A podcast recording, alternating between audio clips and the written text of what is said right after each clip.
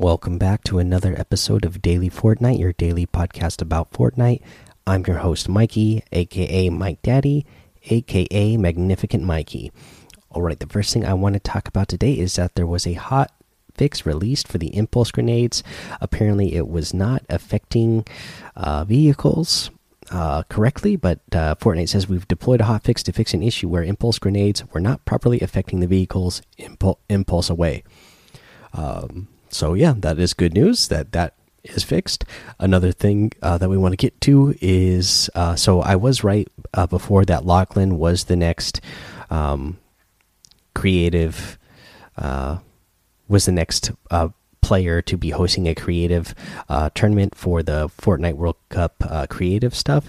So they tweeted out Fortnite, put it out today on their Twitter, say try to get the best time in Locky Landing. Lockie's Landing and have a chance at qualifying for the World Cup finals. Play it now in Fortnite Creative.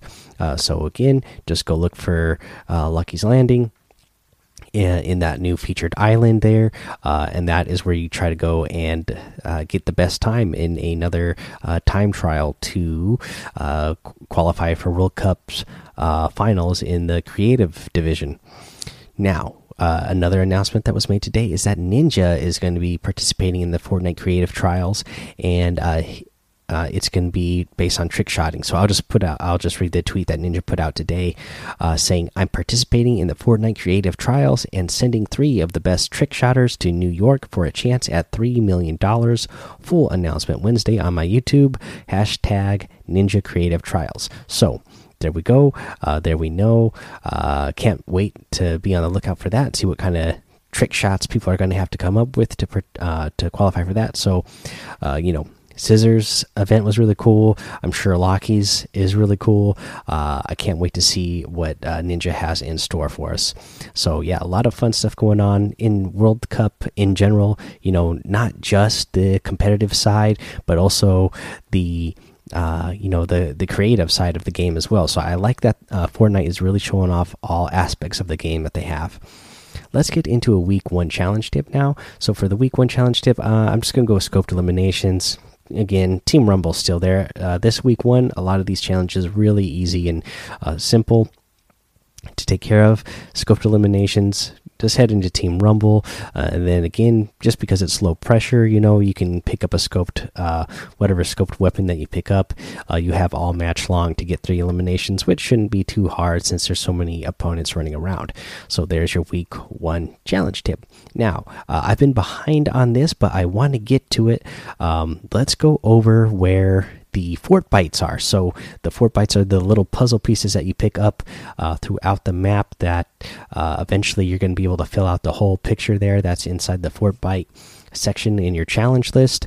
Uh, so we'll can't wait to see what that is. But yeah, so uh, let's start going over where all the ones in game are that you need to go to locations. Some of the Fortbytes you just get by tearing up on your battle pass or uh, you know winning uh, duos, solos, or squads, uh, however many times.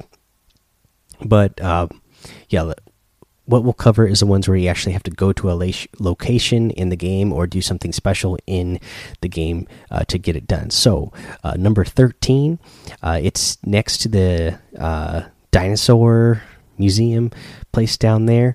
Uh, so, yeah, just head down uh, to let's see here. I guess that's let's see. I nine, yeah, an I nine where the uh, dinosaurs are. There's that little shack down there, and that is where you are going to find uh, that Fortbyte is next to that little shack in there. Uh, Fortbyte 24. This is in Fatal Fields, so you're going to go into the main house, go up to the second floor. You'll find the room that has um, a desk and a drawing table. Uh, you'll find the fight the Fortbyte in there. Uh, for Fortbyte 36 this is another one that you have to do something special. You must be wearing the sentinel outfit uh, to be able to do this. Uh, and you need to go to the island uh, the ice island that's in b10 and again you have to be wearing the sentinel outfit when you go there. If you're not wearing the sentinel outfit it won't show up. So to get the Fortbyte number 36 that is unlocked right now. Again, you need to wear the Sentinel outfit and go to that island B10. Uh, let's see here. Um, another one that is out, Fortbyte 71. Uh, we're going over how to do all the weekly challenges right now, uh, but once you have all the weekly challenges done, you'll get Fortbyte 71. Here's another one. You have to do something special. Uh, you need to go. So, to get this, uh, it's going to be in H4. You need to go uh, to that little rock that's in between the lava and it's where the rock couple at the end of season 8 where they um, where they finally met up and sat down with each other.